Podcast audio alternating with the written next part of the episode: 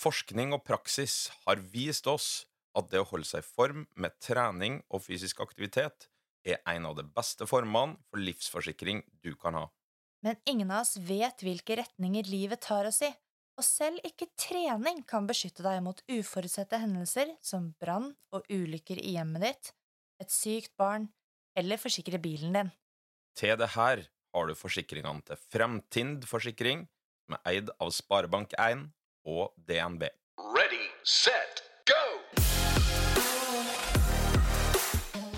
Hjertelig velkommen til prestasjonsprat med Eirik og Melina. Hei, Melina. Hei, Eirik. Eller god aften. God aften. Nå er klokken bikket 21. Niklas Søv, Uh, av alle ting Det er ikke veldig ofte vi spiller inn den podkasten her med bitte litt promille. Uh, det har vi faktisk aldri gjort før. Nei, det har vi. Eh, Du har hatt hvitvin i glasset én gang, husker jeg.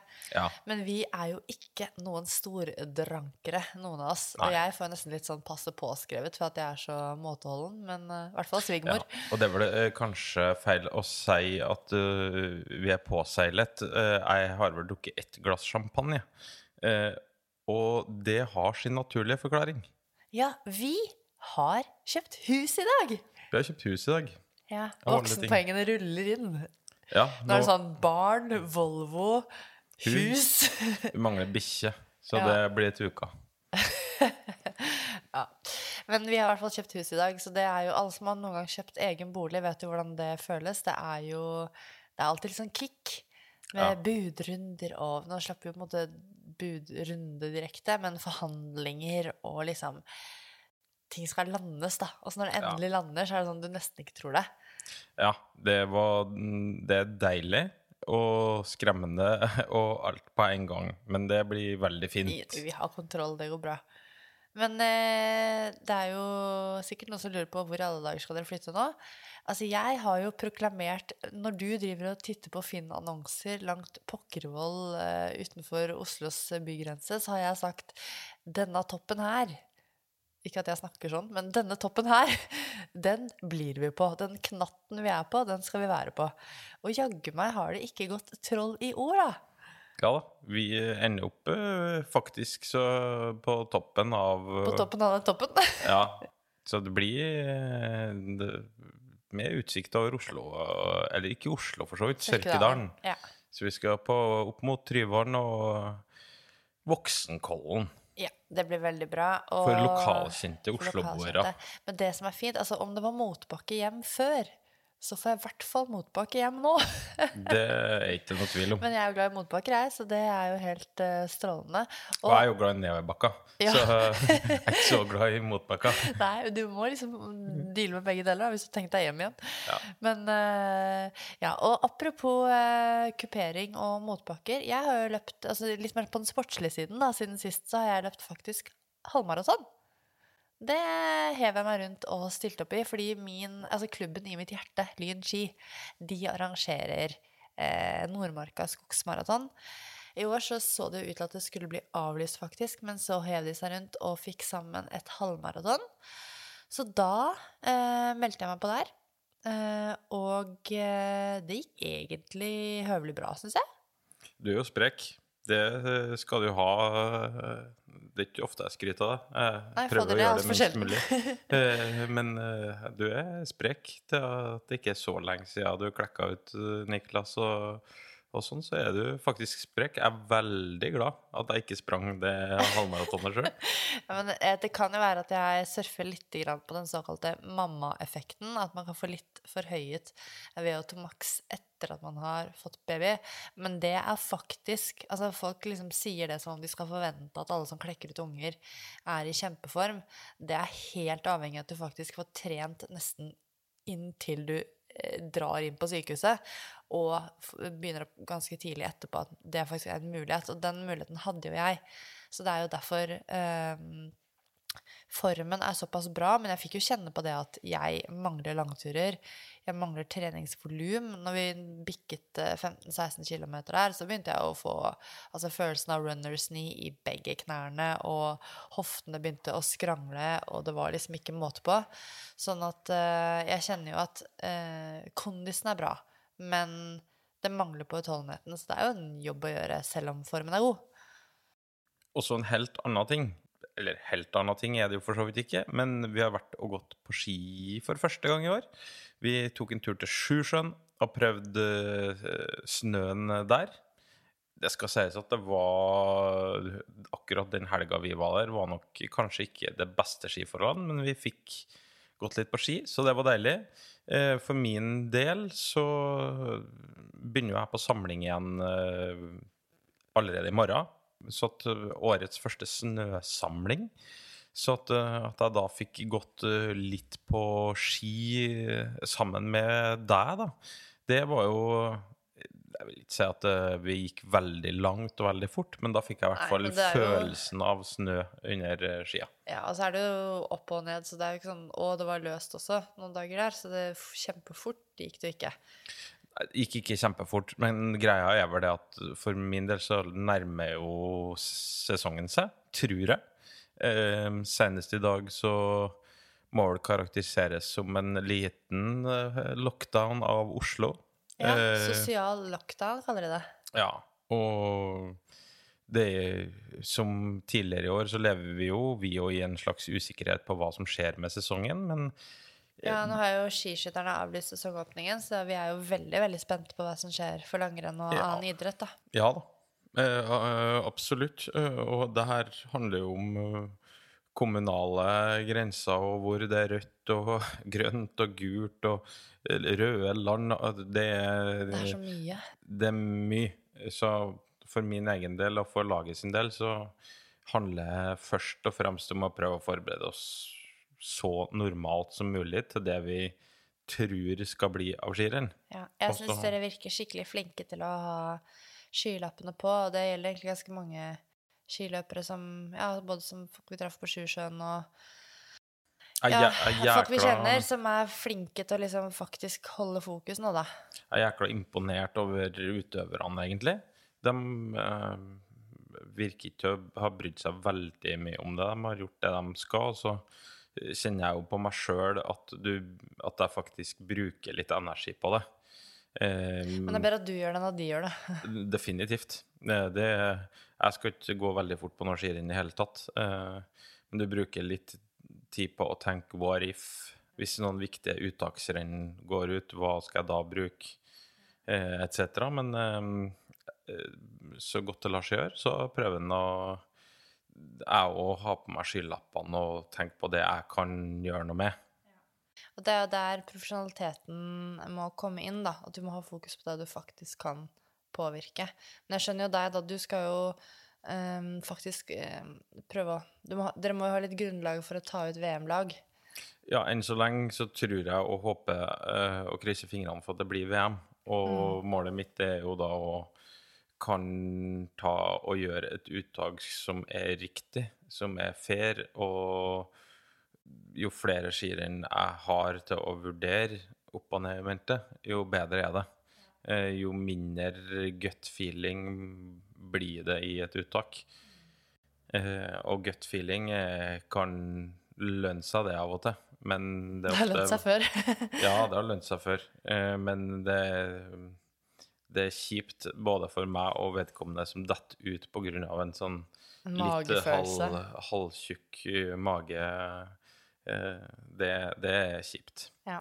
Men i dag er vi jo ikke Vi sitter jo ikke og prater for å snakke om min magefølelse eller huskjøp eller noen verdens ting. Vi skal ha en eh, episode, og den eh, har vi tenkt å ha om restitusjon. Ja, og restitusjon det er jo noe vi syns er viktig, og kanskje egentlig ikke snakket så mye om. Og jeg litt, jeg har gjort litt sånn eh, Gjorde noen søk i iTunes og Spotify, faktisk, for å se litt sånn Hva er det folk har sagt om restitusjon før? Og da brukte jeg litt forskjellige søkeord på engelsk, da. Og selvfølgelig er det jo veldig mye mindre om restitusjon eller recovery enn det er om performance av alle mulige slag. Eh, men det er, det er to ting som er avhengig av hverandre. Skal det bli noe performance, må det være bra restitusjon. Sånn at eh, jeg tror, eh, tror det er riktig å bruke litt tid på å snakke om restitusjon, altså. Det er det. Og det fine med podkast, syns jeg, det er jo òg at Og vi har jo selvfølgelig et mål om å prøve å leite tak i mest mulig sånn science-based. Ja. Men det fine med podkast òg er at jeg kan synse mye. For at akkurat det med restitusjon, der Der har ikke, Jeg har ikke en tendens, men der mener jeg litt. Ja, men det er jo det som er med det mediet her. Det er lov å mene noen ting, men du kan, ikke, vi kan ikke sitte og bare synse i en time, fordi det blir bare svada for folk. Så vi, vi skal prøve begge deler. Ja, Hele poenget mitt Ja. med restitusjon er at det er egentlig litt sånn tosidig. Eh, På den ene sida så føler jeg at mange legger for mye i restitusjon. Det gjelder kanskje sånn først og fremst eh, personer i, i min sfære. Altså som er sånn cirka Altså som er mosjonister etc., som legger Det er ikke din sfære som dine utøvere, men, Nei, men de nei, som nei. er på ditt nivå. Ja, men også vesentlig bedre. Ja. eh, i det som mener at det er mange som trener for lite til at, at liksom du skal ha restitusjonsøkter, og du må Og legge du inn er jo mis- restitusjon treningsvolum. Ja. Og så, på den andre sida, så føler jeg at det er veldig mange som legger Altså på elitenivå, som legger for lite i det. Og da er brannfakkelen min at det er veldig mange på elitenivå, ikke bare i, i langrenn, som jeg kanskje kjenner best, men jeg begynner jo etter hvert å kjenne en del utøvere i mange andre idretter òg, at de er for dårlige til å planlegge. vi, har tidligere, vi har tidligere hatt uh, en, en podkast om periodisering, som uh, å kalle planlegging. Um, same, same, but different. Og, og i mitt hode, og det her vet jeg at mange er uenig med meg i, uh, men jeg står i hvert fall på mitt, og det er at jeg tror at da mange tar seg litt for mye vann over hodet, trener litt for hardt, litt for mye, litt for lenge, som gjør at de er nødt til å legge inn ja, mer eller mindre lange perioder med, for, med litt lite volum, hvile etc. Hvile er bra, men når du begynner å gjøre det, må gjøre det over tid, da tror jeg du forringer en slags fremgang. Jeg er mye mer glad i det jevne dra draget, der du på et vis kanskje er litt mer konservativ i holdninga di. Mine motstandere vil si at uh, du ofrer ikke nok, du, du tar ikke nok sjanser. Men jeg mener likevel at det er beste måten på elitenivå å bli god, det er jo at det er det jevne som drar, da. Ja. Da- Dere trener jo eh, ganske mye jevnt over, for å konkretisere det litt mer, da. Ja, men det gjør jo alle på el- elitenivå. Eh, Ja. og- Også nå er jeg klar at det, det her er jo mange forskjellige idretter, det styrke, mm, utholdenhet etc. Og, og jeg Ja. generaliserer kanskje mye her, men det med restitusjon på elitenivå, det tror jeg kan gjøres bedre av Ja, veldig men mange. jeg tror ikke det bare er på elitenivå. Jeg er helt bestemt på at det der gjelder også på kall det supermosjonistnivå. Fordi jeg mm, ser mange, og har også hatt både kunder, personer som har vært i treningsgruppene mine, hvor jeg har liksom noen ganger tenkt at Hvorfor er ikke du bedre? Du trener så mye. Hvorfor slår du meg ikke med mer? Eller hvorfor, hvorfor går du ikke fortere fra meg på ski, eller løper fortere fra meg? Fordi jeg trener en tredel av det du gjør. Hvor i all verden blir det av formen? Det, er liksom, Jo, det kan høres cocky ut fra, fra min side, da, som ikke trener så mye som en del andre gjør. Men, men jeg tror at eh, Det er veldig mange ganger jeg har tatt meg selv i å tenke at åh, hvis han eller hun bare hadde kanskje skalert litt grann ned, fordi at totalbelastningen er høy. Folk både jobber eller har skole og trener masse og konkurrerer på relativt høyt nivå.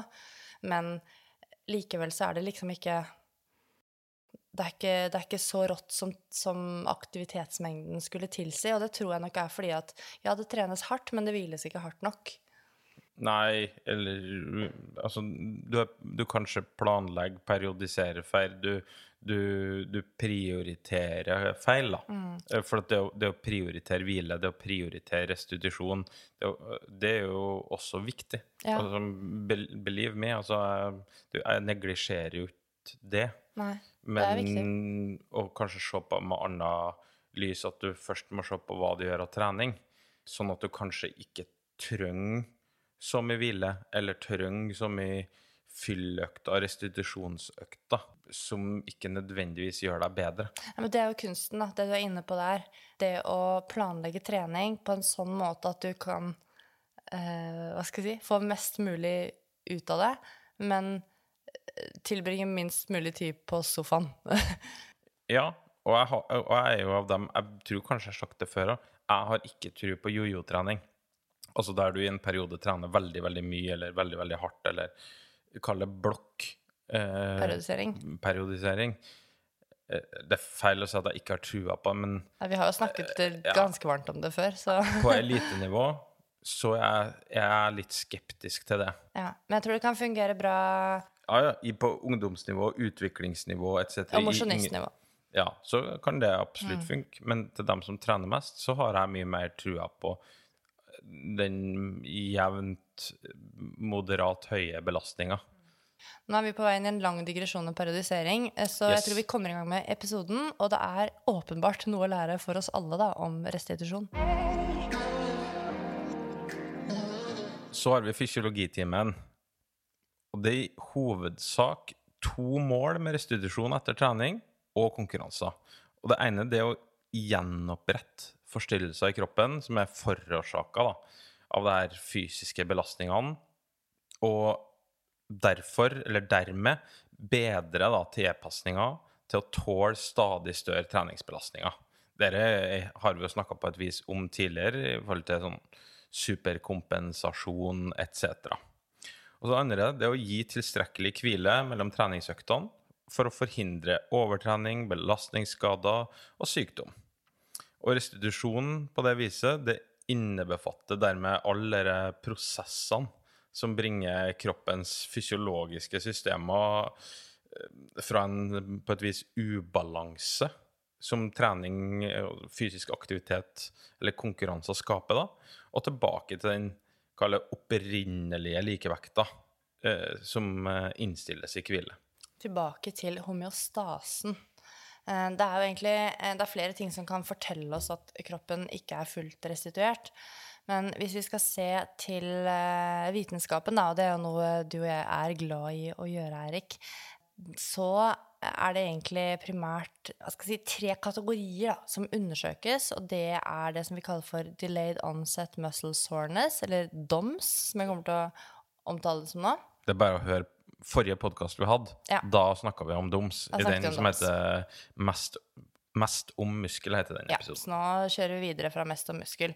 Men det handler ikke om en sånn lett, den lette liksom, stølheten som du kan oppleve av liksom din vanligste treningsøkt, at du kan kjenne litt i muskulaturen at du har trent. Det er liksom du er, du er ordentlig, ordentlig støl, da. Du har gjort noe nytt og annerledes, eller du har trent eh, på en belastning eller med en varighet som, som måte overstiger litt det du var trent for i utgangspunktet. Og da får man denne domsfølelsen, da, denne sorenessen i muskulaturen. Eh, kraftig stølhet, altså. Og så er det opplevd tretthet. Det er den andre tingen. Det er, og det er jo Altså, det er, jeg spør deg om en ting. Du er jo Mm. bedre i engelsk enn meg. Det er jo fatigue. Ja. Eh, og jeg ville oversatt det Altså utmatta, vil jeg jo ha sagt. Ja, men fatigue er, det er jo exhaustion, ikke sant? Eh, men vi sier jo av og til eksempel sånn som en bivirkning eller en senskade da, eh, av eh, ulike sykdommer, eksempel kreft da. Det kan være at man får en, en fatigue, og da sier vi jo det. Det ordet sier vi at eh, man, har, man har fatigue, og så opplever man jo da at man får ekstrem tretthet i hverdagen. Men i norsk, på norsk så, så er, er det jo tretthet som er den direkte oversettelsen. Det bare høres så rart ut. Ingen som ikke har doktor eller professor foran navnet sitt, sier fatigue Nei. på norsk. Jeg har, jeg har litt fatigue. Ja. Da, da, da heter du professor. Legespråket. Ja, så opplevd tretthet, det er da den andre tingen som eh, man undersøker når man skal undersøke restitusjon, da, forske på det. Og så er den siste og tredje tingen, det er da eh, en, en, en stor gruppe, da. Eh, og det handler om markører for muskelskader og markører for inflammasjon. Og så har jeg lagt til en fjerde eh, kategori selv, som, eh, som jeg jo mener egentlig bør være med, og det handler om underprestasjon. Det at du eh, klarer ikke ta i eller skape like mye kraft som tidligere. Det er også blitt undersøkt i, i flere studier, men det er ikke alle reviewer som, som tar det med, da. Ja, så vi kommer til å linke til flere av de bakgrunnsartiklene som vi har brukt eh, til, eh, ja, for å gjøre research til denne podkasten her. Så for dere som har lyst på enda mer detaljinfo enn det dere får nå, så kan dere gå og titte på de, men jeg tror dere vil få en ganske sånn grei innføring, i hvert fall. Det er jo flere ting som gjør at vi trenger restitusjon. Um, når vi arbeider med muskulaturen vår og vi trener, så er det jo primært to ting som kan skape et restitusjonsbehov, og det er et metabolsk stress eller et mekanisk eh, belastning, eller mekanisk drag, kaller vi det ofte da. Um, og det metabolske stresset, det handler jo om at det det skapes eh, eh, signalkaskader som, som påfører muskulaturen vår et økt stress. Og mekanisk belastning, eller mekanisk drag, det handler om at vi gjør Skaper store drag over muskulatur, sånn at det blir da noen typer muskelskader. Både metabolsk stress og eller mekanisk belastning kan skape muskelskader. Og de kan eh, ganske uh, på skjematisk vis da, deles inn i fire stadier. Der du har Det første stadiet er det stimuliet som faktisk påføres muskulaturen. Så det er da metabolsk stress eller mekanisk drag, eller begge deler. Og så har du en autogen prosess, dvs. Si at det blir noen Altså det blir noen muskelskader som nærmest er selvpåført av, uh, av kroppen. Og så blir det en inflammatorisk respons, nummer tre. Og nummer fire en immunrespons. Eh, og i tillegg så har vi såkalte reactive oxygen species.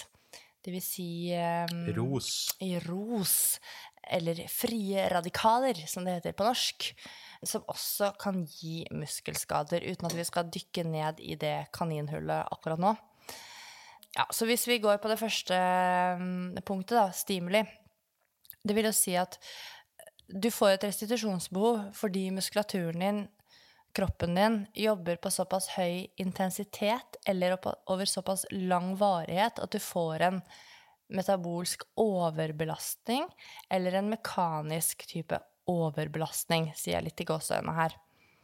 Så det er altså en høyere intensitet og en lengre varighet enn det du er perfekt tilpasset til per nå. Og da kan det jo skje noen eh, muskel altså noen ubalanser i den uh, homeostasen, den likevekten i, i, kroppen, og det kan skje muskelskader. Og når det gjelder den mekaniske siden av det, så vet vi jo det at det er jo særlig belastende for muskulaturen med det som vi kaller for eksentriske kontraksjoner.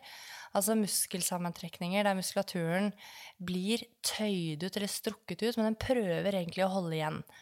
Og hvis du skal ha et, et godt eksempel på hva det kan være, så er det alle mulige sånne bremsende bevegelser. F.eks. ned i en knebøy. Når du er på vei ned og setter deg ned på huk, så er det den eksentriske fasen. Men når du er på vei opp, så er det den konsentriske fasen. Eh, så muskelskader de kan skje selvfølgelig i den konsentriske fasen også, men det er mye, mye hardere i den eksentriske fasen. Og det er fordi at det blir eh, høyere peak torque. Hva, hva søren er det på norsk, da? Um, Altså, nå er jo du mer engelsk ja, enn det er. Ja, og den biomekanikken min, den har bare gått på engelsk. Men uh, um, ja, det handler jo om uh, det høyeste dreiemomentet ikke dreiemomentet, men uh, ja, høy kraft. Um, Send oss DM på hva torque, tork. er. Ja, men vi vet jo dette, men det står helt stille akkurat nå, og vi stopper ikke podkasten fordi hjernen min fikk fross, bare fikk helt brain fart, som det heter. I hvert fall høyere peak torque og også færre motoriske enheter som aktiveres i den eksentriske fasen av en kontraksjon. Ergo, eller som du liker å si, ipso facto. Så- Jeg liker å fremstå mer for enn jeg er. ja. Og da sier det ipso Ja, facto. sier det ipso facto. Eh, men i hvert fall, da. Det med denne eh, høyere peak torken i eksentriske kontraksjoner og færre motoriske enheter, det snakket vi også om i forrige podkast, eh, som aktiveres, så fører det til at det blir en større belastning per muskelfiber sammenlignet med konsentriske kontraksjoner. Derfor blir det større muskelskader ved f.eks. løping sammenlignet med sykling, fordi løping har en større eksentrisk komponent når det gjelder muskelarbeid, enn sykling f.eks. har. Så vi heller, kan vi heller drodle litt rundt av hva er best restitusjon, aktiv restitusjon da, av eh, sykling og løping. Og så var det dette med metabolsk stress. Og der er det Altså når vi er på den metabolske siden Vi hadde en episode om metabolisme. Det er, og da snakket vi om hvor komplekst det er. Hvor mange kaskader det er, og hvor mange signalveier osv. Så videre. sånn er det også her. Men for å ta noen punkter da, eh, under metabolsk stress som kan gi muskelskade, så er det flere faktorer. Eh, det er annet det at man kan gå glykogentom. Det er jo ikke så veldig godt nytt for arbeidende muskulatur. Eh, man kan også få en kalsiuminfluks, dvs. Si at eh, det blir en økt kalsiumkonsentrasjon. Økt kalsiuminnhold inni muskelcellen ved langvarig trening.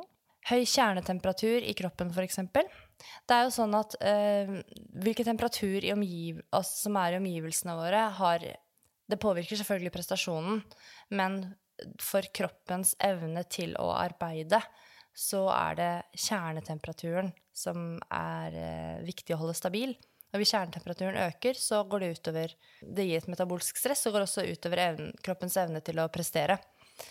Det kan også være lav pH. Det fører jo til at man får et mer eh, syrete eh, miljø i muskulaturen. Eh, og det kan man jo få hvis man tilbringer lang tid utenfor homeostase, f.eks. ved langvarig trening, eller ved trening ved veldig høy intensitet over, over lang tid. Eh, Det kan også være at den eh, mitokondrierespirasjonen er utilstrekkelig, og vi vet jo at mitokondriene er veldig viktige for eh, spesielt aerob trening, da. Og så er det igjen disse her eh, frie radikalene, eller eh, ROS, som de kalles i den engelske og amerikanske litteraturen. Eh, de kan også påføre muskulaturen skade, og de kan gå litt, eh, litt bananas når det er snakk om metabolsk stress. Så de er jo de to eh, noen underpunkter da, til, eh, til dette med metabolsk stress. Så kommer vi over til det som vi kaller for en autogen prosess. Da har det altså vært, nå har vært et stimuli på muskulaturen, enten mekanisk eller metabolsk, eller begge deler.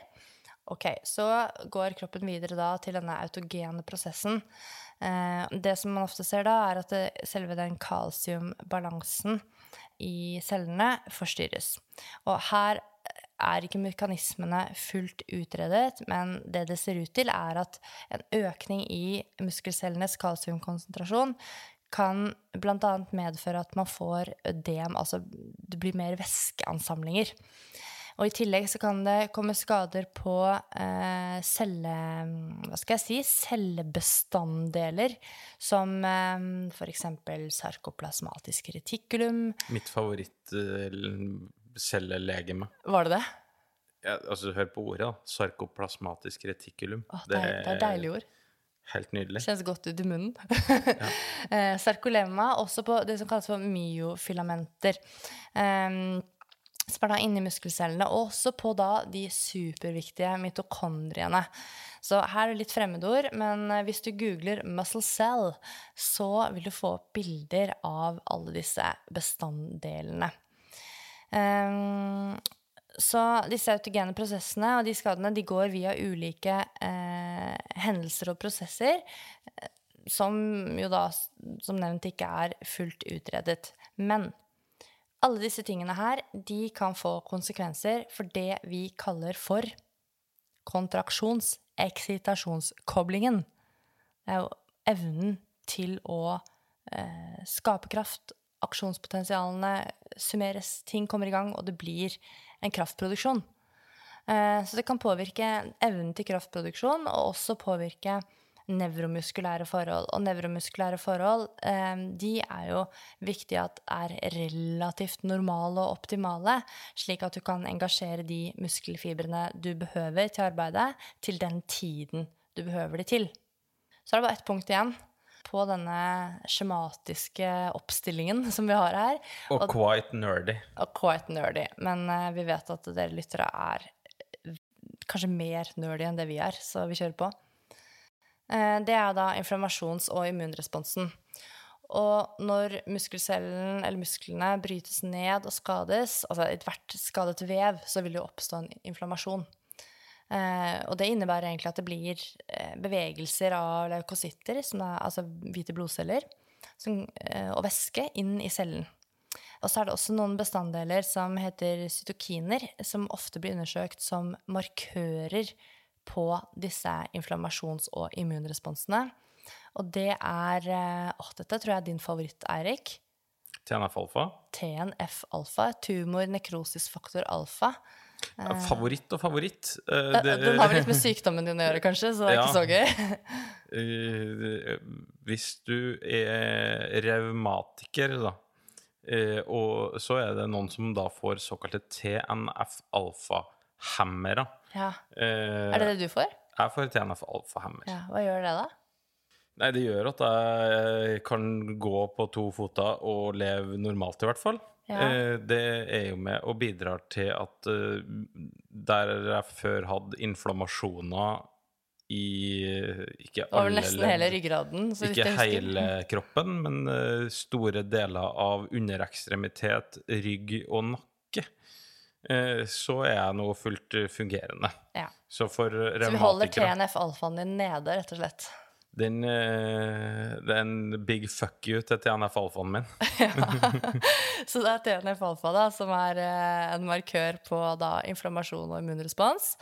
Og så er det noe som heter interleukiner. Og da er det ofte interleukin 6, 2 og 1 som eh, undersøkes og brukes som markører på grad av inflammasjons- og immunrespons. Og også noe som heter interferoner. Vi skal ikke gå noe nærmere inn på akkurat disse markørene. Eh, Men disse leukocyttene de tar seg av skader og avfallsstoffer og starter faktisk også på regenereringsprosessen, som er da den neste fasen. Da har vi vært gjennom alt det som har med nedbrytning å gjøre, og da starter oppbyggingen av selve muskelvevet. Etter uh, den ekstremt nerdy eh, fysiologitimen som du dro oss gjennom der Altså, nå ble jeg mobbet her. Vi tok en kort liten pause, og det var sånn Jeg fikk en sånn L i panna av deg. Ja, det, er- det der var Det er det imponerende at du kan det der på rams, nærmest. Eh, Du har noen notater her, men det er imponerende. Jeg, datt av Den der hadde ikke blitt så bra og så nerdy hvis jeg skulle ha gjort eh, den fysiologitimen. Ja, men det er bra. Ja, vi dunker videre. Ja. Så er det jo litt den altså, praktiske nytteverdien her, da. For at eh, mange som òg har spurt oss gjennom eh, Instagram, altså hvordan en kan vite om en er restituert når man trener ved submaksimale intensiteter. Eh, men eh, liksom før vi begynner med den, da, så er det litt sånn Ok, nå har vi gått gjennom en del av de tingene som skjer som gjør at du trenger restitusjon. Men hva er det som gjør at du eh, Altså, hva skjer når du skal bli restituert? Da må muskulaturen bygge opp vevet. Eh, det må være en regenerering av celler. Da kommer jo da en liten gjeng med noen, noen eh, bestanddeler som heter makrofager, og kjører i gang noen prosesser som spiller en rolle for å vekke opp og aktivere f.eks. satellittceller. Da. Det har vi snakket om på forrige podkast, som ligger rundt muskelcellene og bygger opp eh, muskelvevet til å bli sterkere. Og i tillegg så må jo hjertemuskulaturen må hente seg inn. Det snakket vi annet om i podkastepisoden med Jonny Hissdal, som jeg anbefaler å høre på for dere som eh, vil høre mer om muskle- eh, restitusjon av hjertemuskulatur. Um, og så er det jo da eh, nervesystemet, som også må på en måte ikke nullstilles, men man må komme tilbake til en sånn passelig balanse mellom gassen og bremsen i nervesystemet. Eh, og det tar oss litt videre til hvordan kan man egentlig vite at man ikke er restituert når man da trener ved submaks-intensiteter, som du da nå spurte om? Ja, for Mm. du kan liksom gå inn og sjekke med makrofager og alt om de er i gang, eller noen ting. ikke til det, altså. Det, det går ikke. Men det som innenfor utholdenhet, det mange gjør en god del, det er at de har såkalte submaksimale laktatprofiler. Har, for å bruke et praktisk eksempel, har noen sånn standarddrag eh, Ja. som de kan kjøre, og som de har gjort masse, så de har et slags kartotek på hva er hvor ligger jeg når jeg er i form? Hvor ligger jeg når ting er normalt? Hvor ligger jeg når ting er, er litt ræva, da? Mm.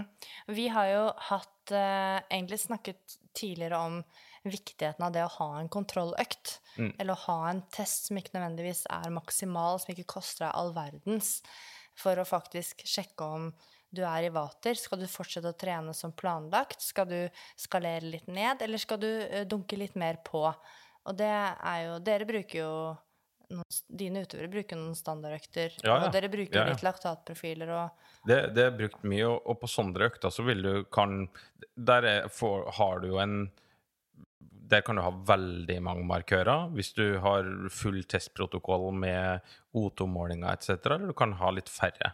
Men der kan du bl.a. se på at eh, hjertefrekvensen kan være økt på submaksimale belastninger.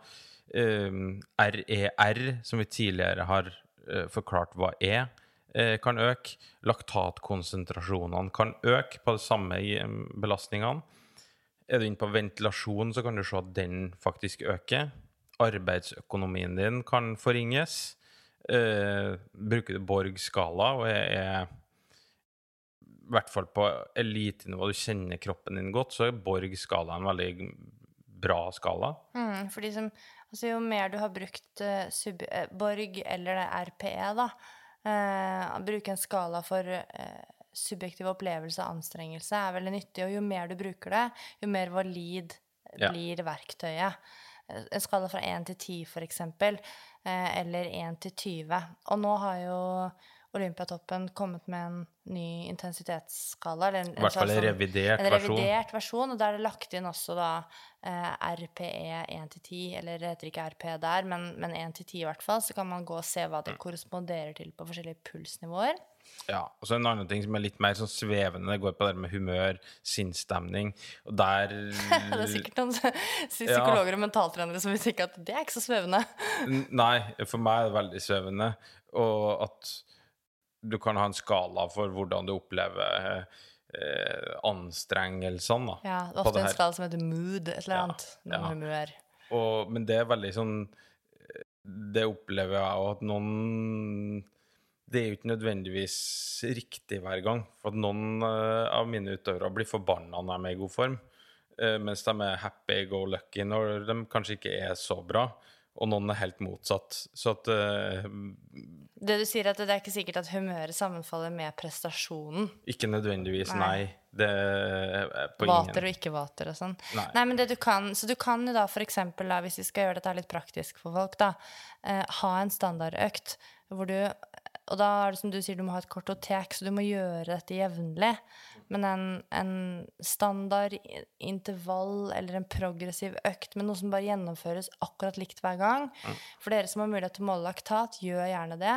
Men bruk i hvert fall eh, belastning, opplevd anstrengelse og eh, f.eks. Eh, snittpuls da, eh, på dragene.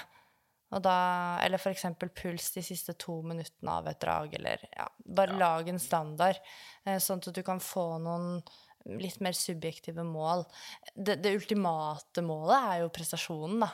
Om du underpresterer. Men det er jo, vi håper jo på en måte at det, du ikke må bruke en prestasjonstest på å catche at du ikke er godt nok restituert. Da tenker jeg du er egentlig litt for sent ute.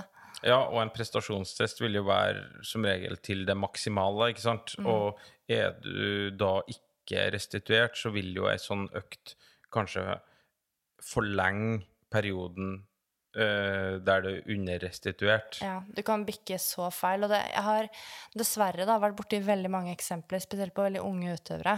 Eh, og da beveger vi oss litt inn i sånn feiltrenings- og overtreningskategori, men hvor, hvor man har tenkt at nei, her fungerer ikke ting. Løsningen er å hive på mer kull og trene hardere og mer, fordi at det er sikkert det som trengs. Og så blir det bare Det blir bare verre.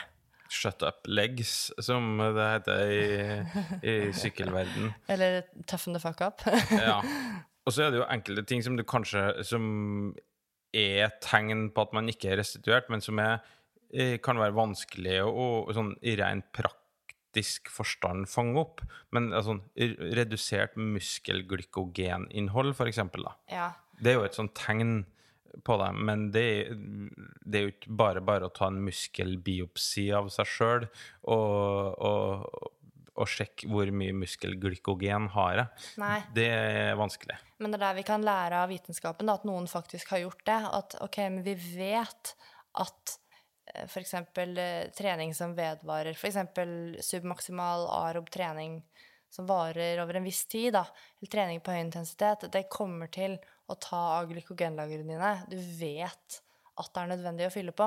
Så selv om ikke du får målt alt på deg selv, så tenker jeg at det er viktig å bruke det som vitenskapen lærer oss om hva som foregår, sånn at du kan sette i gang de riktige restitusjonstiltakene, sånn som eksempel med dette punktet her, da. Ha fokus på ernæring. Og faktisk få i deg en kombinasjon av protein og karbohydrat, sånn at du legger Og nok energi også, det er nok kalorier, sånn at du legger til rette for, for god restitusjon. Men eh, man må jo vurdere selv, da, eh, hva man får Altså, det er lurt å ha en sånn hva skal jeg si, en praktisk test. Og så er det selvfølgelig viktig å være flink med ernæring.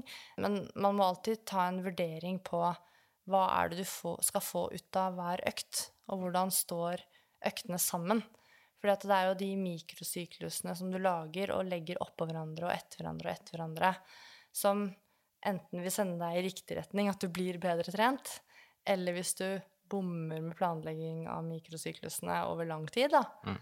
så eh, så stagnerer du kanskje, eller ja, hvis du ikke Og, henter deg nok inn, da. og punktet 'vær flink med ernæring', det betyr ikke at du skal spise det som heter restitution maximal high end 2.0 eh, supreme. Det, eh, det, det skal du ikke spise. Du skal spise normalt, og har du trent litt hardt, eh, så kan du kjøpe deg sjokomelk. Og utover det så er det ingenting som er bedre. Nei, Ikke sant? Greit Og det er take home message. Dagens take home message. Noe annet som også kan skje, da, eh, i forhold til at vi ikke er nok tilstrekkelig restituert, er at den nevromuskulære effektiviteten vår kan bli dårligere. Eh, vi trenger jo Altså, det er jo nervesignaler som fyrer i gang muskulaturen og forteller, oss, forteller muskulaturen hva den skal gjøre for noen ting. Sånn at hvis eh, den nevromuskulære effektiviteten er eh, redusert som følge av at vi har for lite restituert, så trenger du en større aktivering i sentralnervesystemet for å kunne yte eh, den kraften som du ønsker, eller yte en gitt kraft. Og det er jo faktisk en studie som peker jeg tror én eller kanskje flere, husker ikke farten, men flere studier som, som peker på at dette kan være en av de siste markørene, eller skal vi si symptomene på at man ikke er restituert, som eh, faller på plass igjen. Sånn at hvis det er sånn da at dette med den nevromuskulære effektiviteten bruker lang tid på å komme seg på plass, så kan det jo kanskje påvirke evnen til å rett og slett yte, fordi det kan påvirke kraftutvikling, eh, og eventuelt påvirke opplevd anstrengelse. Men det er litt vanskelig å si altså, hvilke implikasjoner dette kan ha rent praktisk. Det er vel kanskje ikke undersøkt så mye som en del andre markører på utilstrekkelig restitusjon, hvis man kan si det på den måten. Da har vi kommet et godt stykke på vei her. Men vi har jo eh, igjen litt der med restitusjonstiltak, og hvilke effekter det eventuelt vist da på restitusjon. Ja, og vi har jo um, mange forskjellige muligheter for ting vi kan gjøre. Eller hva skal jeg si, opp gjennom historien har det blitt gjort mange ting for å bli bedre restituert. Eh, Så vi tenkte egentlig å ta en liten tur gjennom en slags smørbrødriste av tiltak. Og hjelpe deg til å sortere om hva som er verdt å bruke tid på, og hva du egentlig bare kan gi beng i. Ja, og det er jo øh, Vi var jo tidligere i podkasten gjennom liksom alt det Ja, måtene øh, Eller tingene som kan fortelle oss at kroppen ikke er fullt restituert på. Der var vi innom dere doms, opplevd tretthet, eh, markører for muskelskader og dermed underprestasjon. Det er jo ikke alt alle av de her restitusjonstiltakene som har undersøkt alle fire her, da. Men vi, vi prøver jo bare å gå gjennom dem, og det første er jo massasje. Det er jo noe som ganske mye idrettsutøvere, også andre, benytter seg av. Og vi har da tatt for oss en sånn uh, metaanalyse, review-artikkel på det, det her, som da um, har samla mye data fra mange andre studier. Ja, jeg tror det er 99 studier. Det er Det nok ikke 99 studier som ble inkludert, kanskje. Nei, det husker men, jeg heller på. Men eh, det er ja, ganske det er mange, mange, studier som den, den valgte å inkludere, da, uten at jeg har sett på akkurat hvilke verktøy de har brukt for bias og alt sånt nå, men den virker eh, Jeg syns den virker ganske bra. Så Ja. vi har, folk har falt på den, og dere finner den i notatene. Ja, og der har de da sett at massasje relativt raskt etter økt har vist eh, at opplevd doms, da, har Den har gått ned. Ja, Så de ble ikke like sånn Nei. forbanna støle. Nei. Opplevelsen av muskelstølhet, eller soreness, den har gått ned. Eh, I forhold til da trøtthet eller utmattelse eller fatigue, da, som eh, Ditt nye favvisord. Det skal jeg begynne å si. Fatigued. Eh, der var det egentlig ikke veldig like konsistente funn. Det som var her, da, var at de så både på studier gjort på idrettsutøvere og mer sedate. Det, og, og det var Fant egentlig det samme både til sedate og til idrettsutøvere. Alle liker massasje. Alle liker massasje. Eh, Alle liker å bli tatt på. ja. Eh, massasje var av alle de faktorene vi skal gå gjennom, og kanskje likevel da, den variabelen hvor fatigue, eller opplevd tretthet, utmattelse, gikk mest ned, dog ikke helt signifikant. Og i denne metaanalysen da, så var det det mest effektive restitusjonstiltaket med tanke på da eh, sirkulerende CK og IL6. Ja, interleukin 6, den var- nevnte jeg jo i sted. Ja, og det, det her kan på et vis da reflektere at det er mindre muskelskade, og kanskje da føre til en eh, raskere restitusjon. Og en liten sånn fun fact som de Jeg vet ikke om det er en fun fact, men det de sier det her metaanalysen, var at faktisk så ser det kanskje ut til at massasje fungerer raskere og bedre på kvinner enn på menn. Det føler jeg er litt spekulativt, men uh... Ja, og jeg har ikke så, de kom ikke med noen forklaring på det her, og jeg begynte ikke å grave i grave i eventuell forklaring på hvorfor. Men jeg syns det var såpass artig at det er verdt å ta det med. Ja, så det, kvinner bør eh, liksom Man bør egentlig sende fysioene mer over til de kvinnelige utøverne enn til, de mannlige. Ja, og så skal jeg jo ta med i forhold til underprestering, i forhold til prestasjon her, da, så sier denne metaanalysen ingenting om det. det her, er- da, da har de jo da sett på dere eh, DOMS, har sett på fatigue og sett på da dere inflammasjon-markørene. For det er jo noe som er viktig å holde tunga rett i munnen på her, da, er at bedre restitusjon er ikke Det er ikke noe er liktegn mellom be, be, best restitusjon etter en, i en, et studiedesign eh, og da eh, bedre eh, performance, eller bedre prestasjon. Eh, og det kan kanskje høres litt rart ut, men, men tanken er jo det at man skal kunne ekstrapolere resultatene. Eh, altså, man tenker at ok, det beste restitusjonstiltaket vil kanskje på sikt føre at du får marginene og prosentene og sånn på din side, sånn at du over tid vil kunne prestere bedre. Eh, ja. Og så er det jo da tøying, og det er jo en god gammel ringrev. Eh, Det er jo veldig mange, og i mange, mange år så tenkte man jo at tøying var veldig nødvendig, at det var en nødvendig avslutning på en treningsøkt eh, for å få god restitusjon. Og så er jo det noe som har blitt eh, motbevist i flere runder. Ehm, tøying fungerer nok best for bevegelighetstrening, altså som en metode for å bli mer bevegelig når du gjør det systematisk over tid. Men akkurat for restitusjon så har ikke tøyning vist noen eh, effekt på delayed onset muscle soreness. Uh, og faktisk så eh, kan tøying opp mot seks timer etter selve treningen faktisk gi deg doms. Altså indusere skikkelig uh, stølhet. Og man har vel ikke sett noe reduksjon i inflammasjonsmarkører og noe eh, mer immunrespons eh, fordi man eh, man tøyer. Altså at ikke det blir satt i gang en sånn Det blir ikke en økt eh, oppbygging av muskelvev ved tøying. Eh, sånn at det er nok eh, et litt sånn malplassert restitusjonstiltak i forhold til at det er Altså, tøying er en treningsmetode. Det handler om å skape mer bevegelighet og ikke bli mer restituert. Um, Sier du malplassert? Og ikke jeg visste, jeg visste du skulle si det. Og så i hodet mitt så satt jeg og tenkte er det malplassert eller malplassert? Og så bare "Nei, F it, jeg bare sier det sånn som jeg alltid har sagt det. Jeg lærer nye ting om kona mi hver dag. Og det er ikke lov å si malplassert. Malpla- Hva heter det da? Malplassert? Malplassert er som å si kakao. Det heter det ikke. Det heter kakao. OK, vi tar neste. Ja. Kryoterapi. Jækla fint det der fikk sånn eh, er- et Fancy. sånn, eh, rar greie. Jeg måtte jo sette meg inn i hva kryoterapi var, da. Ja, Eh, men dette er Eirik som er litt sånn Jeg må bare si en ting om Eirik. Han er litt tradisjonell på mange måter. På en måte er du veldig innovativ som trener.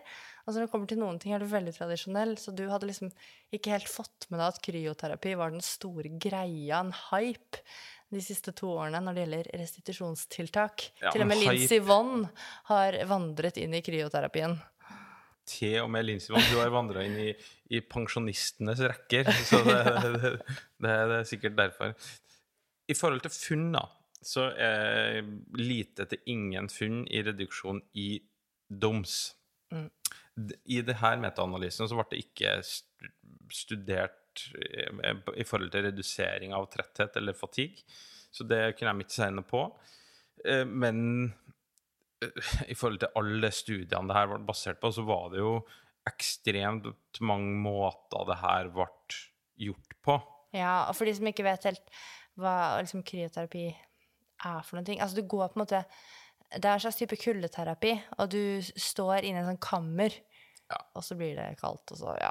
Ja, men jeg datt veldig fort av da når jeg, når jeg søkte opp det her, og de, en annen side så ble det påstått at det fjerner, fjerner laktaten din.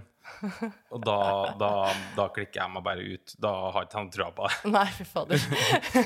ja, men det er så mange rare forklaringsmodeller Kanskje jeg skal begynne å ha med det på neste elgufsintervall, og ha med et sånn kryoterapirom bak i bilen, så at mellom dragene så hopper jeg meg inn i bilen og ja, kjøres ned til laktat 100 i et minutts tid.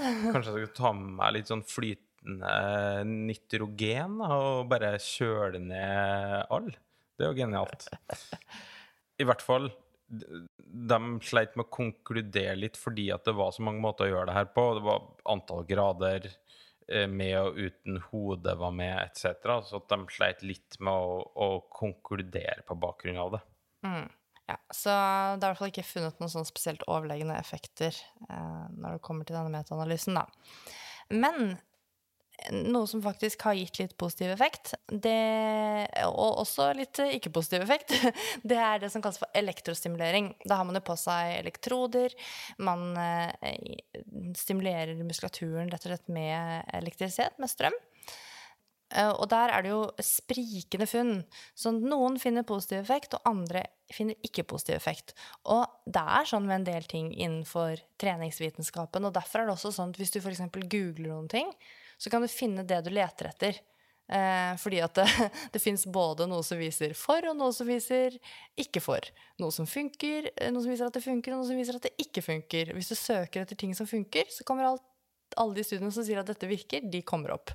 Og så tror du på det, og så får du ikke med deg at eh, å ja, men det er like mange studier som sier at det ikke virker. Litt sånn er det med elektrosimulering. Derfor er det bra med metaanalyse. Eh, og det er akkurat det samme der da, som med kryoterapien. At en årsak til at man kan, noen finner positiv effekt, og andre ikke har funnet noen effekt, er fordi at studiene er så forskjellig gjennomført. At de lar seg egentlig ikke sammenligne direkte. Så der trengs det flere studier, rett og slett. Noe som eh, en del har eh, faktisk spurt om av innsendte spørsmål. Nå har vi jo svart på en del spørsmål underveis, da. Men det er faktisk en del som sendte inn spørsmål om dette med kuldebad. Og eh, den altså effekten på doms og opplevd anstrengelse, eller opplevd, unnskyld, ikke anstrengelse, men opplevd tretthet, den blir forbedret faktisk med da kuldebad. Så det kan se ut til at det har en positiv effekt. Men i de studiene som um, denne bakgrunnsmetaanalysen vår har tatt for seg, så er det som kalles for effect size, ganske liten. Effect size forsøker å fortelle oss noe om betydningen av resultatene. Så det er jo kanskje ikke den sterkeste betydningen, på sett og vis. Og så er det jo sånn at um, det er flere som har sett um, forbedring i da den uh, fatiguen, da, Erik, ved bruk av uh, kuldebad under forskjellige forhold, som f.eks. For etter trening og, og, i konkurranse. F.eks. på fotballturneringer eller basketturneringer. En annen metaanalyse har også vist positive effekter eh, på, på, DOMS med, når man bruker kuldebad etter spesielt hard trening. Både i trente eh, idrettsutøvere eh, og også i mindre trente personer, sånn som oss, da, som trener mer for rekreasjon og rekreasjonskonkurranser. Um, men så viser det seg faktisk at selve temperaturen på uh, vannet da, som du senker kroppen din ned i, kan ha betydning. Uh, og også hvor lenge du sitter der. Og det ser ut til at um, en vanntemperatur på 11-15 grader i ca. 11-15 minutter, så det er en veldig grei huskeregel, da, 11-15, 11-15, eh, ser ut til å være den optimale eh, varigheten og temperaturen for å få positiv effekt av da kuldebad etter trening for å redusere denne kraftige eh, muskelstølheten som vi kaller for DOMS. Og så har man også sett i da denne metaanalysen at eh, forskjellene i temperaturene ga også forskjellige effekter, og at man får best effekt dersom temperaturen er lavere enn 15 grader celsius. Det viste seg faktisk også å ha en positiv effekt på da inflammasjon. Og så er det jo selvfølgelig litt variasjoner da, i forhold til type trening, varighet på hvor lenge du sitter der, vanntemperaturen Sånn at studien lar seg ikke sammenligne 100% men det er i hvert fall slik metaanalysen står. Bakgrunnen for disse effektene eh, det kan være flere forskjellige forhold. Eh, man har funnet bl.a. reduserte CK-verdier eh, i blodet etter intensiv trening og at man da har brukt kuldebad.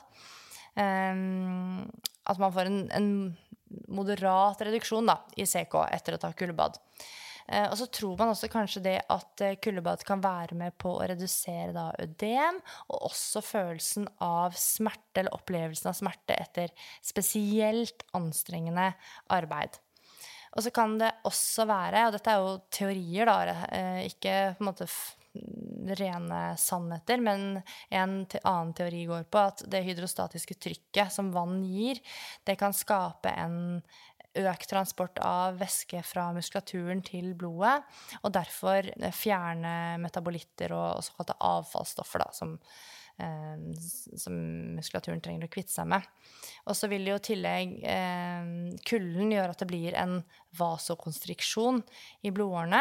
Eh, og det kan jo også være med på å kanskje lokalt sett redusere det, de inflammatoriske reaksjonene, som igjen da kan redusere følelsen av smerte. Eh, men det er mange forskjellige retninger disse teoriene her går i, da, som dere hører. Eh, men folk opplever tydeligvis at det funker, da. Ja, og du har jo en sånn annen variant av det der, som er sånn varme kulde Altså sånn kontrast øh, varme kulde, da. Mm, kontrastterapi, eller contrast water therapy. For å gjøre det enda mer sånn praktisk vanskelig å gjennomføre, så er det da at du bytter på å være da i kaldt og i varmt bad. Det her har vist seg å ha en positiv effekt på DOMS, øh, og, og på opplevelsen av øh, smerte etter eksentrisk trening helt opp mot øh, 72 timer etter da den tøffe treninga.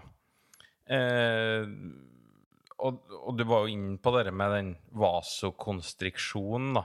Altså når du senker kroppen i kaldt vann, så får du en konstriksjon. Og da når du går over i varmt vann, så får du en dilatasjon. da. Og det her kan føre til en reduksjon da, i dannelsen av ødem i muskulaturen. Eh, påvirke inflammasjonsveier og redusere følelsen av smerte. da. Eh, I en, i en annen metaanalyse som tar for seg mye det samme som den her, så har de òg funnet da reduserte CK-konsentrasjoner i blodet, og no, noe som da kan indikere mindre grad av muskelskader etter den fysiske aktiviteten. Men det er jo sånn både med det derre Altså, du må ha en kuldekulp, da. Eh, eller du må i hvert fall Ja, du, det holder jo selvfølgelig å ha et badekar for å klare den der cold water immersion-greia, men eh, du må jo ha to badekar for å klare den uh, kontrastvarianten. For at det nytter ikke å liksom sitte i kaldt badekar og så skru på dusjen, for det kan jo ha med det hydrostatiske trykket å gjøre også. Så det er, sånn, det er ganske sånn upraktiske De to tingene der syns jeg er ganske upraktiske um, restitusjonstiltak, da, sammenlignet med en del andre ting. Eh, eh, Definitivt. Eh, Men i toppidrett så gjør den jo ganske mye Så strekker den jo seg ganske langt hvis om at det dersom at det, at det her er det som bekker Eller tungen på vektskålen som får det til å bekke deg i riktig retning. Ja. Og så må jeg jo si sånn til alle gutta som hører på, så er kuldebad er jo Da må man jo passe på enkelte ting på kroppen. Å ja. Ok, det vet ikke jeg nå. uh, men ja, så det, men så er det jo faktisk noen idretter som har Altså, dere trener jo ganske Ikke du, da, Erik, men utøverne dine trener jo veldig mange timer i året. Men det fins jo idretter som trener enda flere timer i året, og kanskje rett og slett dårligere tid til å restituere, for det er så mange aspekter ved idretten. Tenker jeg spesielt på en del typer kampsport, eh, veldig sånn tekniske idretter. Det er, altså, det er mye tid på treningsfeltet, og da skjønner jeg jo at man kan velge å bruke en del sånne restitusjonstiltak. Eh, det, det er ikke helt klart for meg hvordan dette var igjen, og det burde jeg kanskje researchet før vi satte i gang, men som sagt så ser vi på restitusjonsmarkører nå, ikke prestasjonsmarkører. Men det er et eller annet med at dette her med kuldebad kan godt fungere fint for å få en relativt rask restitusjon. Men jeg mener å huske, og nå er det bare å skrive inn til meg, dere som lytter på og husker hvordan dette var, mener å huske at det ikke er anbefalt å bruke det over lengre tid, for at, fordi det potensielt kan eh, hemme eh, adaptasjoner eller tilpasninger til trening i muskulaturen. Eh, Sånn at det er kanskje noe du bruker kortsiktig og ikke langsiktig. Men jeg husker ikke. Og dette er i forhold til prestasjon, altså. Jeg vet jo at det ble brukt i, i friidretts-VM sist. Eh, Da konkurrerte de med et veldig varmt klima. Eh, Så det er kanskje lurt i forhold til å restituere deg raskt, men ikke for treningsutvikling over tid. nei, og når du er, først er i VM, så er, ikke, så er det ikke der, da er det jo der for å prestere der og da. Ja. Det, det du ikke har gjort før du kommer til VM, det får du liksom ikke gjort, da. Så sånn er det. Mm. Ja, eh, kompresjonstøy, det kan gi deg litt eh, spretten rumpe. Å, nei da. Eh, kompresjonstøy, det er jo klær som sitter ekstra stramt på kroppen, da. Det fins jo mange varianter. Shortser, eh, sleeves, eh, trøyer, tightser og eh, Jeg har trua på sleeves, altså. Sleeves har du trua på, ja. det bruker jeg en del, da. Ja, og så sånne eh, strømper og sånne leggkompresjonsting. Eh, vi har jo noen av de i skuffene våre, vi også. Eh, men det viser Det ser ut til at det er veldig liten påvirkning av eh, på denne stø, kraftige stølheten, og også liten påvirkning på eller én liten påvirkning på tretthet og utmattelse, eller følelsen av det. Sånn at ja, det kan jo være noe der. Eh, men da er det faktisk sånn, og dette må jeg bare si For jeg ser jo mange som eh, liksom løper konkurranser og trener i kompresjonstøy. Kompresjonstøy er det meningen du skal ha på deg etterpå. Altså det er meningen du skal ta det på etterpå for da å få en kompresjon på muskulaturen som skal gi noen disse positive effektene, men kanskje litt redusert doms, og kanskje litt redusert opplevelse av tretthet og utmattelse. Ehm, Kan jo hende de springer den konkurransen i et langsiktig perspektiv, da. vet du. ja, det skjønner jeg. Eh, men jo også en, noen gode grunner til å, å ha det kanskje på seg litt ekstra stramtsittende tøy. Som, altså de som har prøvd å ta på seg noen ordentlige kompresjonsstrømper, vet at det er, det er en jobb i seg selv. Det er jo en økt det å få på seg den strømpen. Em, det er jo faktisk det at når eh, vi løper, eh, så vil muskulaturen, særlig leggen, da, riste opp og ned. Og lårmuskulaturen også. Og det spekuleres jo i Nå, nå lager jeg en digresjon her, da, men det spekuleres jo faktisk i om det i seg selv, altså den mekaniske eh, opp- og ned-bevegelsen og ristingen i muskulaturen også kan kanskje skape mer muskelskader enn ellers, da. Så du holder i hvert fall musklene på plass. um, ja, så lite grann, men uh, det er ikke, den kommer ikke liksom Massasje kommer bedre ut enn kompresjonstøy. Ja. Ja. Og så er det jo det med aktiv restitusjon, da, som kanskje er det eldste og mest brukte tiltaket. Ja, og det er det veldig mange som har sendt inn spørsmål om. Er det noe som heter aktiv restitusjon? Fungerer det, lurer folk på? Fins det noe som faktisk er en restitusjonsøkt? Og det er annet noen av varianter av spørsmål som har kommet inn. Så dette lurer dere på, og vi har også diskutert dette punktet mye. Ja, og i hvert fall i forhold til de samme markørene her, da, så viser jo ca. samme effektene på doms da, som, som eh, varme, kulde, kontrast-biten.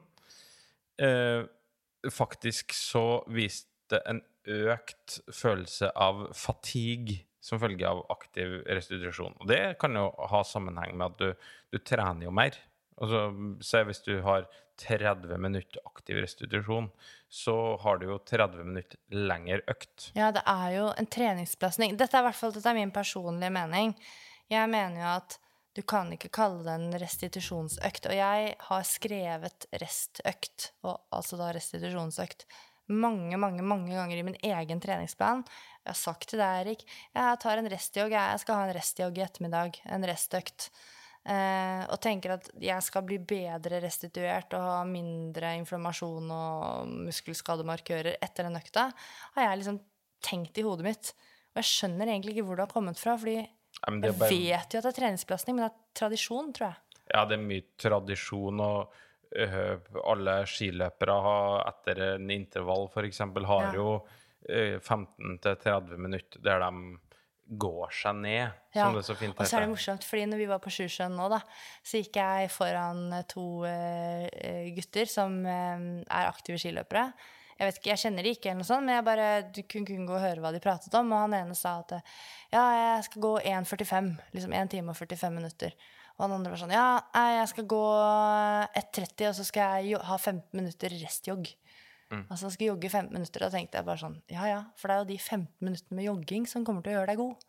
Ja, øh, I, i all ironi der. ja også, men øh, så er jo meg som trener vil jo si at nok, noe av det han sier, tror jeg er, noe i. Det er også, i hvert fall i starten når du begynner å gå på ski, legge inn litt løping et, mot slutten, så du ikke bare går på ski, tror jeg kan være fornuftig. Men ikke for at, Men du skal, ikke for at du skal få mindre eh, inflammasjonsmarkører, eh, et eller annet. Men i starten når du begynner å gå på ski, Mm. i hvert fall i ei sånn løype, så har du en tendens til å gå deg litt stiv for at du går litt for fort, etc. Du har ikke gått deg inn.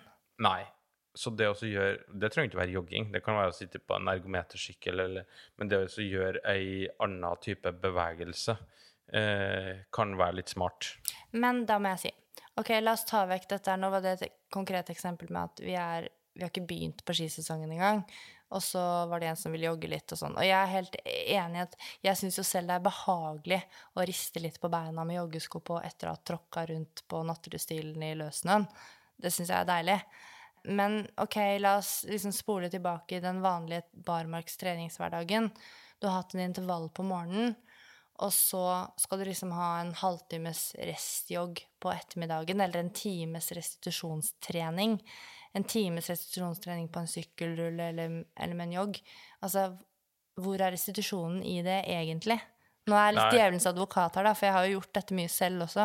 Nei, men Det er ikke djevelens advokat, for det, det er jo ikke noe restitusjon i det. Det er ekstra trening i det. Ja. Hele poenget her er at det kalles Altså, tradisjonen er at det kalles restøkt, eller Ja. restitusjonsøkt. Og i stedet så kan du bare kalle den Jeg skal ha En andre økt, Jeg skal ha andre økt. som er ekstra bare, rolig. Den skal bare være en time, fordi jeg har hatt intervall i dag tidlig.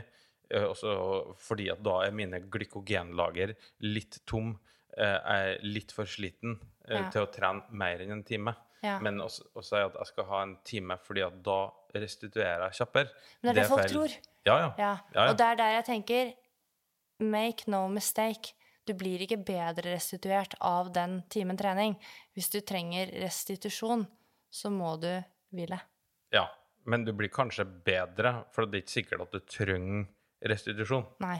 Og det er jo et annet poeng, er jo at disse småøktene, de kan virke liksom litt ubetydelige eh, kanskje der og da, eh, sånn at du må vurdere om de småøktene, da tidligere kalt restitusjonsøkter, eh, og etter at dere har hørt prestasjonsprat, så kanskje dere vil kalle de for vanlige økter, men man må vurdere om- det er eh, noe du skal beholde eh, for å ha et visst treningsvolum i løpet av året, eller en periode, eller eh, om du kanskje av og til bør kutte det til fordel for å prestere bedre på neste økt, da. Det er jo en gang sånn at du kan jo gjøre så mye tiltak du bare vil av alt mulig, men det er først og fremst to ting som gjelder. Begge delene har vi snakka om i tidligere episoder. Eh, Det ene er søvn. Ja, det har vi en egen episode om, faktisk. Ja. Hvis du ikke sover nok, eh, så sliter du. Søvn er ekstremt viktig. Ikke at du skal sove 15 timer om dagen, men å få solid søvn, det er viktig. Mm, og nok, og nok søvn for, eh, for, for deg som enkeltindivid, for det kan jo variere litt. Men, men det er eh, Jeg liker å si at det er en, av de billigste prestasjonsfremmerne vi har Ja. etter å, å trene. Ja, ja, definitivt. Og det, det andre er jo det med ernæring.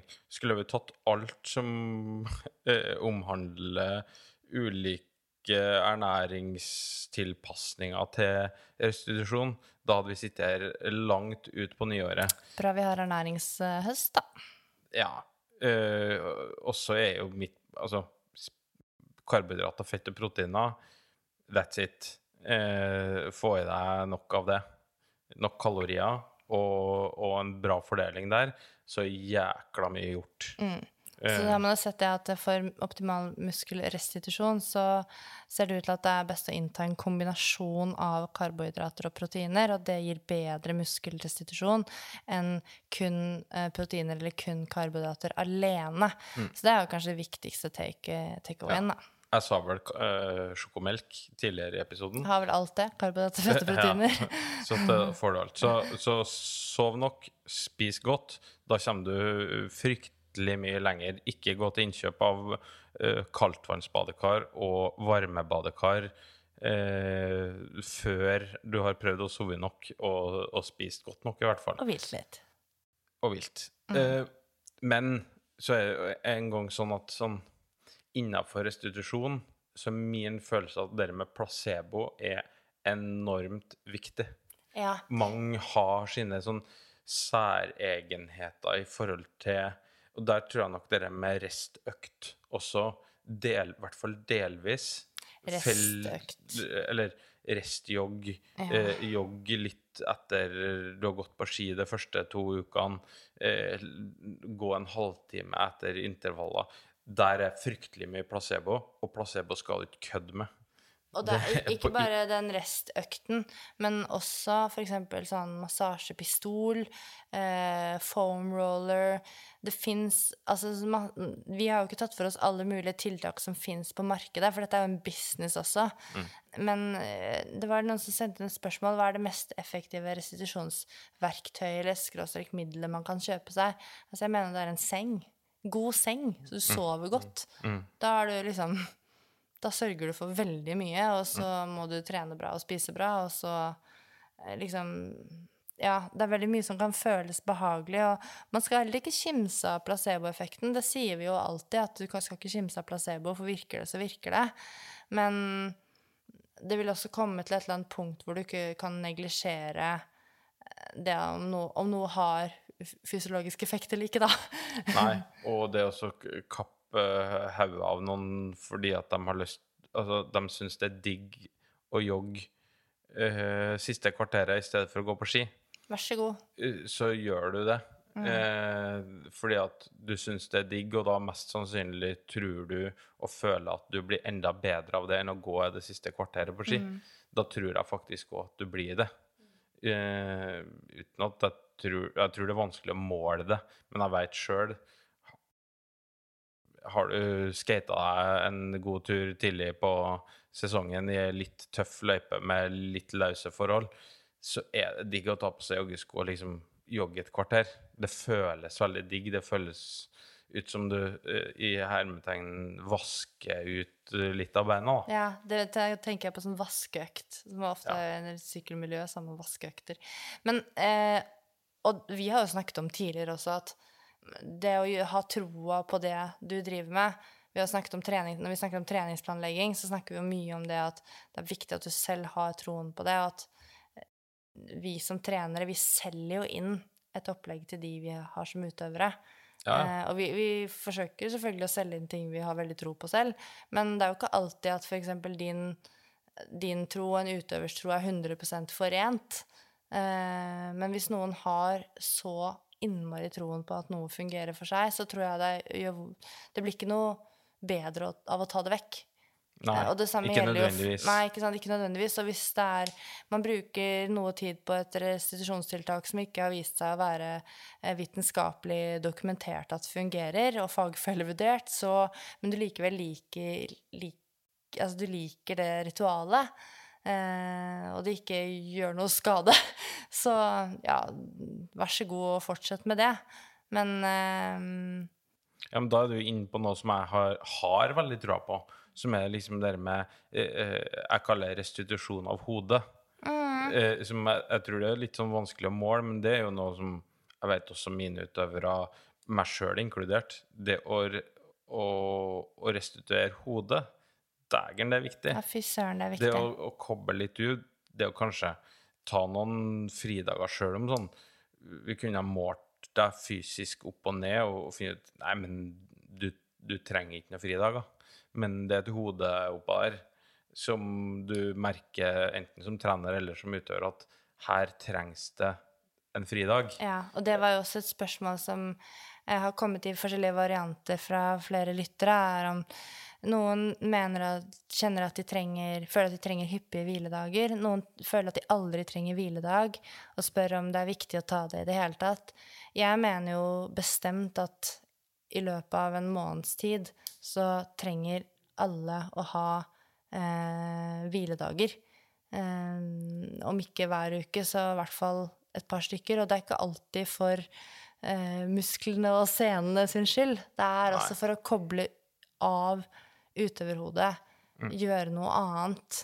Eh, Mentalt og fysisk overskudd, det er det som krydrer en, en godt trent utøver til å, å prestere maksimalt, da. Mm, vi har jo hatt fokus på fysiologitimen, og jeg hadde en lang nerdy tirade her. Og vi har for så vidt fokus på muskelrestitusjon, men jeg syns jo det er verdt å reflektere over eh, om man føler seg oppstemt, om man føler seg nedstemt, om du føler deg flat i humøret.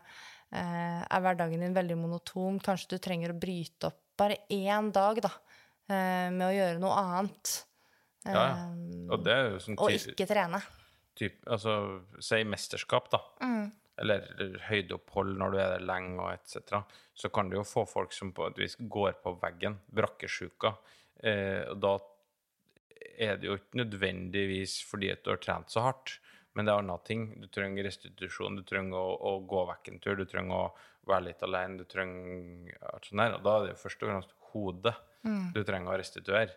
Eh, det, det tror jeg er nok vanskelig å måle. Ja, det er vanskelig å måle. Jeg, kjenner i hvert fall eh, fra sånn egen erfaring, da Hvis, Nå har jeg jo ganske mange hviledager fordi baby og alt sånt der.